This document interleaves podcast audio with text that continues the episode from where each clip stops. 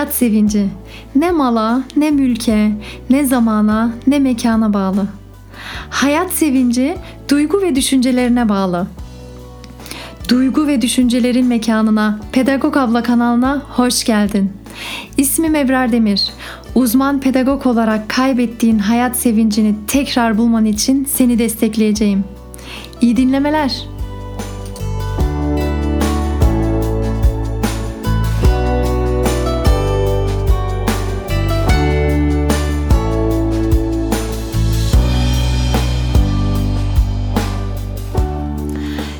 Tam da konumuzla ilgili öyle güzel bir yazı keşfettim ki hemen Türkçe'ye çevirdim ve sizinle paylaşmak istedim. Ee, Amerika'da Kansas eyaletinde Dr. Ron Slaymaker adında bir tane adam anlatıyor. Diyor ki annemden ve babamdan hayatta iyi olanı aramam gerektiğini ve olumlu şeylere odaklanmam gerektiğini erkenden öğrendim. Bu öğrendiğimi kendi kendime oyun haline getirdim. Bundaki hayır ne? Oyunu. Bu oyunun benim hayatımı ve düşüncemi nasıl değiştirdiğini açıklamak istiyorum sizlere. 44 yıl boyunca basket antrenmanı ve öğretmen olarak çalıştım. Bu zaman içerisinde doktora daha hiç gitmedim. Doktora gitmedim çünkü hasta olmak istemiyordum. Bana inanın hasta olmak istemeyenler baş ağrısı ya da gribi ufak tefek şeyleri takmayabilir. Böylesi hastalıklar zihinsel etki yapar ve ben hep direndim ve hayattaki bir günümü bile evde yatakta geçirmeye kabul edemedim. Eşim beni önleyici check-up için zorla doktora gönderdiğinde 59 yaşındaydım. Ona neden gidecekmişim doktora canım benim ne kadar sağlıklı olduğumu görmüyor musun? Hep fitim ben demiştim. Ron, ısrarcıyım, gideceksin. Neredeyse 60 yaşındasın.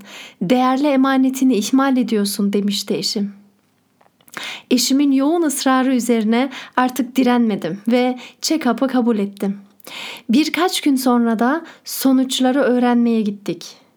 Doktora aceleyle gittim çünkü aynı gün takımımla Florida'ya gidecektik. Muayene odasına girdiğimde oda boştu. Doktorun masasının üzerinde büyük bir kitap açık şekilde duruyordu. Kitapta büyük harflerle prostat kanseri yazıyordu. Bu ne anlama geliyordu? Huzursuz olmaya başladım ben. 10 dakika sonra emindim. Prostat kanseri oldum. Ama ben mi? Ben hiç hasta olmazdım ki. Böyle bir şey nasıl başıma geldi? Dünyam yıkıldı. Bir sürü öneri ve süreç bilgilendirmelerle doktordan çıktım. O an içimde olumlu bir ses şunu söyledi. Ron, başına ne geleceğini etkileyemezsin ama buna nasıl bir tepki vereceğini etkileyebilirsin. Bunun hayrı nedir? Cesurca ve kararlı bir tutumla eve gittim. Doktorun bana verdiği kötü haberden yarım saat sonra çalışma masam başında yalnız beyaz bir kağıda bakarak elimde kalemle oturuyordum.'' Prostat kanseri olmamdaki hayır nedir yazdım büyük harflerle kağıda. Aradım, aradım ve buldum. Arayan bulur ya. Bir bir sebepleri yazdım. Örneğin birkaç saniye içerisinde hayatın değerini anladım. Artık zamanımın değerli olduğunu biliyorum. Ailemi ve arkadaşlarımı daha çok sevmeyi ve değer vermeyi öğreniyorum. Bu alemde bana verilen her gün için şükrediyorum. 50 sebebi geçtikten sonra içimde yeni bir güven duygusu oluştuğunu fark ettim. Oturma şeklim daha dik ve kararlı olmaya başlamıştı. Bedenimdeki enerji tekrar akmaya başlıyordu. Sınırsız kararlılık yüz ifademde görünüyordu. Kendi hayatıma olan coşku sınırsızdı ve sanki birazdan benden dışarıya doğru patlayacaktı. Kavga isteğim uyandı. Son olarak kağıda şunu yazdım. Ron, yeni bir kavga başlamanın ve yenmenin vakti geldi. Sonra bedenimdeki kansere kabullenmiş olarak büyük harflerle özene özene bir mesaj yazdım. Sana bir tane geçireceğim. An itibariyle kanserin bana karşı bir şansı olmadığını biliyordum. Oyun bitmişti ve karar çıkmıştı. Sadece atlatmam gerekiyordu artık. Sonraki haftalar ve aylar ağır, tatsız ve ızdıraplı geçti. Kanser hücrelerini azaltmak için kadın hormonları almam gerekiyordu. Bu hormonların da duygu durum bozukluğu gibi çok ağır yan etkileri vardı.'' Etrafımdaki insanlara çektiğim acıyı belli etmemeye çalışıyordum. Olumlu düşünmeye, gülmeye, empati kurmaya zorluyordum kendimi. Herkes bulunduğum duruma göre çok iyi olduğumu düşünüyordu. Ama içten içe acı çekiyordum. Hayatımda daha önce hiç çekmediğim kadar. 3 ay sonra kanser hücreleri o kadar küçüldü ki ameliyat olabilirdim artık. Zor ve uzun bir ameliyattı ama çok iyi geçti. Çok da pahalıydı ve kendim ödemeliydim. Soruyorsunuzdur şimdi bir sürü para harcamada hayır nerede? Bir doktor bir operasyonla 30 bin dolar kazandı. Bu para onun hayatına çok iyi gelmiştir. Bazen hayrı bulabilmek için olumlu ve şaka yoluyla da yaklaşabilmek lazım olaylara. İyileşmeye doğru gidiyordum ama iyileşmiş sayılabilmem için 8 yıl boyunca semptomsuz kalabilmeliydim. Daha bitmedi. Ameliyatımdan iki ay sonra eşim Shirley basket maçı esnasında bir kalp krizi geçirdi. Ardından hastaneye giderken kendi hastalığımdan daha çok endişeliydim. Neden kaderimiz bu kadar zor olmalı diye sorup duruyordum. Hayatımızdaki savaşı daha yeni bitiriyorduk. Neden şimdi yine?'' Allah'a şükürler olsun Shirley kalp krizini atlattı. Allah'a çok şükrediyorum çünkü eşim benim dünyadaki en önemli insan. Bunda hayır ney? Eşim Shirley hastalığından beri sağlıklı besleniyor ve artık sigara içmiyor. İkisi de evlilik hayatımızda ona bir türlü öğretemediğim şeylerdi. Artık eşim hayatın değerini bilmeyi öğrendi. Bunlar yaşadığımız zorlukların sonu değildi. Son olayda 4 ay sonra Kansas City'de oturan oğlumdan bir telefon geldi. 6 aylık oğlu, benim torunum yani, ani bebek ölümünden vefat etmiş. Birlikte oğlumun yanına giderken bu doğru olamaz dedim. Gözyaşları içinde eşime. İki saat sonra torunumu son kez kucağıma alıyordum. Sesli ağlayarak kucağımda zarif ama ölü olan buz gibi bedeniyle kollarımda tutarken dünyam yıkıldı. Bunda hayır nedir diye sordu iç sesim bana ama ben o an o iç sesime kulak veremedim. Torunum öldüyse eğer bunda hayır falan yoktur dedim içten içe. Üç ay sürdü bu yaşantıda da nihayet bir hayır bulup ruhumla barışmam. Oğlum doktor. Torunumun vefatından sonra oğlum uzmanlaştı ve binlerce yeni doğan bebeklere ani ölüm yaşamamaları için yardım etti. Kendi acısından sonra bir sürü hayat kurtardı. Er ya da geç hayat hepimizi zorluklarla karşılaştıracak. Herkes de bu zorluklardan geçmek zorunda. Bu zorlukları olumlu bir düşünce yapısıyla karşıla. Hayat olumsuz olmak için çok kısa. Çok acıklı bir hikaye değil mi arkadaşlar? Ya hikaye deyip duruyorum. Hikaye falan değil. Doğrudan hala da yaşamakta olan bir adamın Doktor Ron'un bir yaşantısı bu. Hayırlı olsun kelimesini biz de aslında Türkiye'de çok sık kullanıyoruz. Acayip güzel de bunu sürekli kullanıyor olmamız ama pratikte baktığımızda sanki inanarak söylemiyoruz artık böyle otomatiğe bağlanmış bir şekilde hayırlısı olsun deyip geçiyoruz sanki. Ama pat diye bir şey yaşadığımızda, bir başımıza bir şey geldiğinde çakılıp kalıyoruz ve bunda mutlaka bir hayır vardır demek çok zor geliyor genelde bize. Hatta sanki artık böyle espri olarak kullanıyormuşuz gibi böyle hani biri bir şey der sonra bardağın dolu tarafından bakacaksın cümlesini Bilmiyorum ya da bana mı öyle geldi. Genelde espri yoluyla kullanılıyor artık. Yani o kadar inanmıyoruz. İnanmayarak bardağın iyi yönünden bakmamız gerektiğini dile getiriyoruz. Tekrar inanarak söylemeyi çalışmalıyız belki de başıma gelen bu şeyde hayır nedir sorusunu yaşamımıza dahil etmeyi çalışmalıyız belki de. Antrenman etmeliyiz. Ş- aslında şöyle diyebiliriz. Bunda bundaki hayır ne oyununu biz de oynayabiliriz. Doktor Ron oynuyor da biz neden oynayamıyoruz? Bundaki hayır nedir oyunu?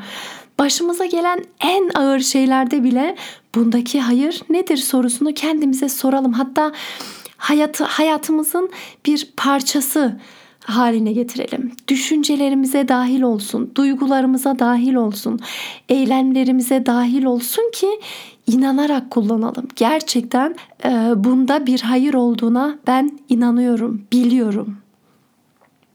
Doktor Ron aslında bize anlattığı yaşantısıyla üç tane yol sundu. Birincisi hayatın getirdiği zorlukları önce kabul etmeliyiz. Kabul etme konusunda dini düşüncelerin de çok etkili olduğunu düşünüyorum ben. Hani bir yandan Oraya gitmeseydim başıma bu gelmezdi. Niye böyle oldu ki? Böyle şeyler hep beni mi bulur? deyip mutsuz olmak var. Diğer yandan da eğer bugün başıma bu geldiyse bu Allah'ın izniyle geldi deyip huzurlu olmak var. Aslında şöyle düşünmek beni çok çok rahatlatıyor bilmiyorum. Belki seni de rahatlatır. Bizim bir yaratıcımız var işte kuşları uçuruyor, sonbaharda yaprakları döküyor, ilkbaharda tekrar e, çiçeklere ve ağaçlara can veriyor. Güneşi her sabah hiç unutmadan yani her sabah olduğu gibi güneşin doğmasını sağlıyor ve akşamları da güneşin batmasını sağlıyor. İçerisinde bulunduğumuz bu mucizevi hayatı düzene koyan, her şeyin sahibi olan Allah bu düzeni özene özene sürdürüyor da bizi başıboş mu bırakıyor? Tabii ki hayır. Elbette başımıza gelen her şey Allah'ın izniyle oluyor ve başımıza gelen hiçbir şey tesadüf değil. Bir takım yaşantılarımız oluyor. Onlar bize bir şeyler öğretiyor ve sonra gidiyor.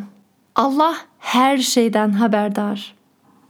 Doktor Ron'a geri dönecek olursak Doktor Ron hastalığını duyduğunda elbette üzüldü, yıkıldı. Ama hemen ısrarla eğer başıma böyle bir şey geldiyse bunda bir hayır var dedi.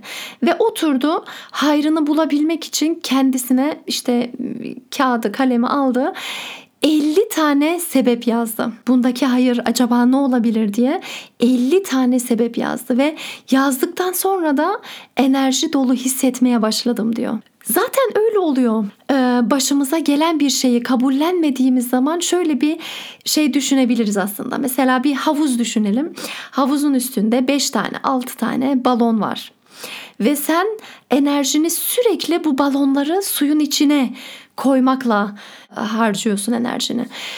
Hem balonların hepsini içeriye koymayı başaramıyorsun zaten hem de gücün kuvvetin kalmıyor artık. Enerjin bitiyor. Biz de bedenimizdeki en ufak hücreleri incelediğimizde enerjiyiz neticede. Ya hayatın getirdiği zorlukları kabul edip zamanla akar gideriz ya da kabul etmeyiz ve e, enerjimizi sürekli bir şeyleri yok etmeye çalışmakla harcarız. Üretemeyiz, sevemeyiz ve akıcı bir hayat sürdüremeyiz. Doktor Ron hastalığını kabul etmekle aktı, geçti ve kabul etti, önüne baktı, geleceğini planladı derken bize Doktor Ron'un ikinci sunduğu yola geldik. Geleceği planladı. Doktor Ron haberi aldığında yıkılsa da kabul ettikten sonra geleceği planlayabildi. Kendi kendisine yenmenin vakti geldi dedi ve zihninde hastalığı atlattı bile. Öyle oluyor zaten zihninde bir şeyleri gerçekleştirmek o şeyi başarmış olmak gibi bir şey zaten. Aslında e, Mevlana'nın da bu konuyla ilgili çok güzel bir sözü vardı ama şu an aklıma gelmiyor. Hani Amerikalıların vision board kullandıkları bir e, şey vardır. Bilirsin belki de hani bir pano düşün. O panoya ulaşmak istediği amaçları resim halinde asıyor. Ve arada bir o resme bakarak odak noktasını da tabii ki amaçlarına yönlendirmiş oluyor ve e, hedefine ulaşmak müthiş bir şekilde kolaylaşıyor ve bu gerçekten çok çok etkili. Öğrenciler de yapar bazen mesela bir öğrenci okulda notları kötüyse uğraşır durur. Notlarım iyi olsun, notlarım iyi olsun. Ama kendisine bir vizyon oluşturduğunda ve bu vizyonunu e, resimlendirilmiş halinde bir yere astığında o vizyonunu, o e, amacını sürekli gördüğü zaman o amacına ulaşmak için notlarını düzeltmesi daha da kolay bir hale gelir. Doktor Ron'un bize sunduğu üçüncü yolda hayır arayışına çıkmak. Elbette bu adım hiç kolay değil. Örneğin eşyaların çalındığında, işten atıldığında veya terk edildiğinde içerisinde hayır bulmak ne kadar zor bir şey. Doktor Ron yaşantıları gibi zor yaşantılarda oturup da bu yaşantımın içerisinde olan hayır nedir acaba diye düşünmek acayip zor bir şey. Biraz zaman isteyen bir şey belki de ama sonunda hayrı her zaman görüyorsun. Ben kendi hayatımda düşündüğümde başıma gelen en üzücü anlarımda bile hayrı şimdi görüyorum. O zamanlar göremiyordum. Mesela oğlum yaklaşık 8 yıl önce ağır bir hastalık geçirmişti, ateşlenmişti ve çok ağlamıştım. Hemen hastaneye gittik. Hastanede yattık. Çok ağlamıştım, çok üzülmüştüm. Hastalığın bana çok şeyler katıp öyle gittiğini bugün anlayabiliyorum. Mesela şunu kattı bana diğer dertlerin ne kadar küçük olduğunu hatırlattı. Hastanede hiç unutmadığım şöyle bir anım var mesela. Eşimi çok eleştirdiğim bir dönemde o dönem o zamanlar neden böyle yapıyorsun? Niye böyle oldu diye ciddi tartışıyorduk ve hastanede oğlumla kaldığımda eşim iş çıkışı hastaneye geldiğinde ona sarıldım ve ağladım. Dedim ki dert sandığımız hiçbir şey dert değilmiş ki Rabbim yeter ki şifa versin ve o sahneyi hiç unutmuyorum ve benim için biraz böyle dönüm noktası gibi bir şey oldu artık. Eskiden dert dediğim kocaman kocaman şeyler birden gerçekten küçücük bir şey haline geldi. Daha sonra da çok fazla takmamayı öğrendim. Hastalıktan sonra eskiden normal dediğim şeylere bile birden böyle olağanüstü şükretmeye başladım böyle. Her dakika şükretmeye başladım. Çünkü biliyorum ki her anımız böyle güzel geçmeyebiliyor ve her an bir hastalık gelebiliyor. Ve eskiden kızacağım şeylere de artık hiç kızmamaya da başlamıştım. Hatta şeyden hastaneden döndükten sonra oğlum bir sabah uyandı ve tut sen 2-3 tane yumurta almış gitmiş halının üstüne o yumurtaları kırmış. Sonra gelmiş yanıma diyor ki Anne ben 3 yaşındaydı işte daha yeni konuşuyor. Anne ben yumurtaları kırdım böyle. Nereye kırdın oğlum? Halıya. Ona bile böyle resmen sevinerek tepki gösterdim. Aa halıya sen yumurta mı kırdın?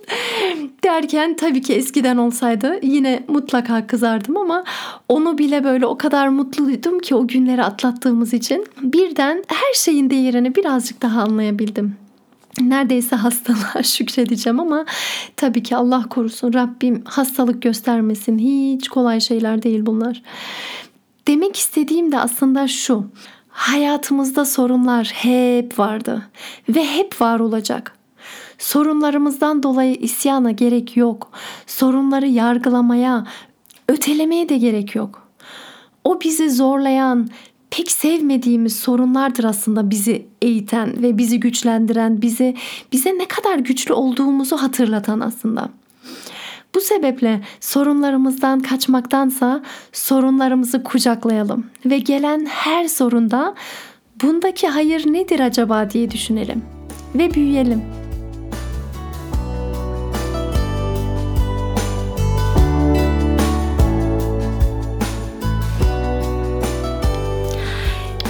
Dinlediğin için çok teşekkür ederim.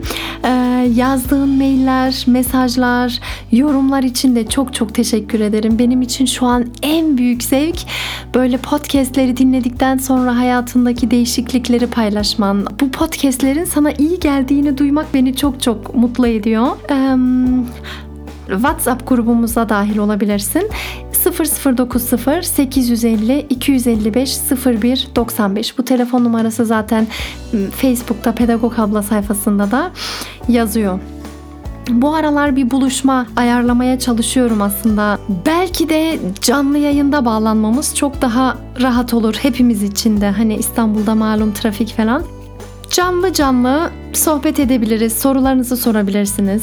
Ben anlatırım birazcık derken bunu mutlaka denemek istiyorum çok yakında. Sen de canlı yayınımıza katılmak istersen Instagram'ı takip etmen yeterli. Instagram ya da Facebook @pedagogablo üzerinden takip edersen zaten mutlaka oradan bildiririm. En kötü ihtimal artık canlı yayında görüşürüz. Diğer türlü de bir buluşma ayarlayana kadar. Benden bu kadar. Başına gelen her türlü zorluklarda bundaki hayır ney adlı oyunu oynamayı unutma. Sevgilerimle Ebrar Demir.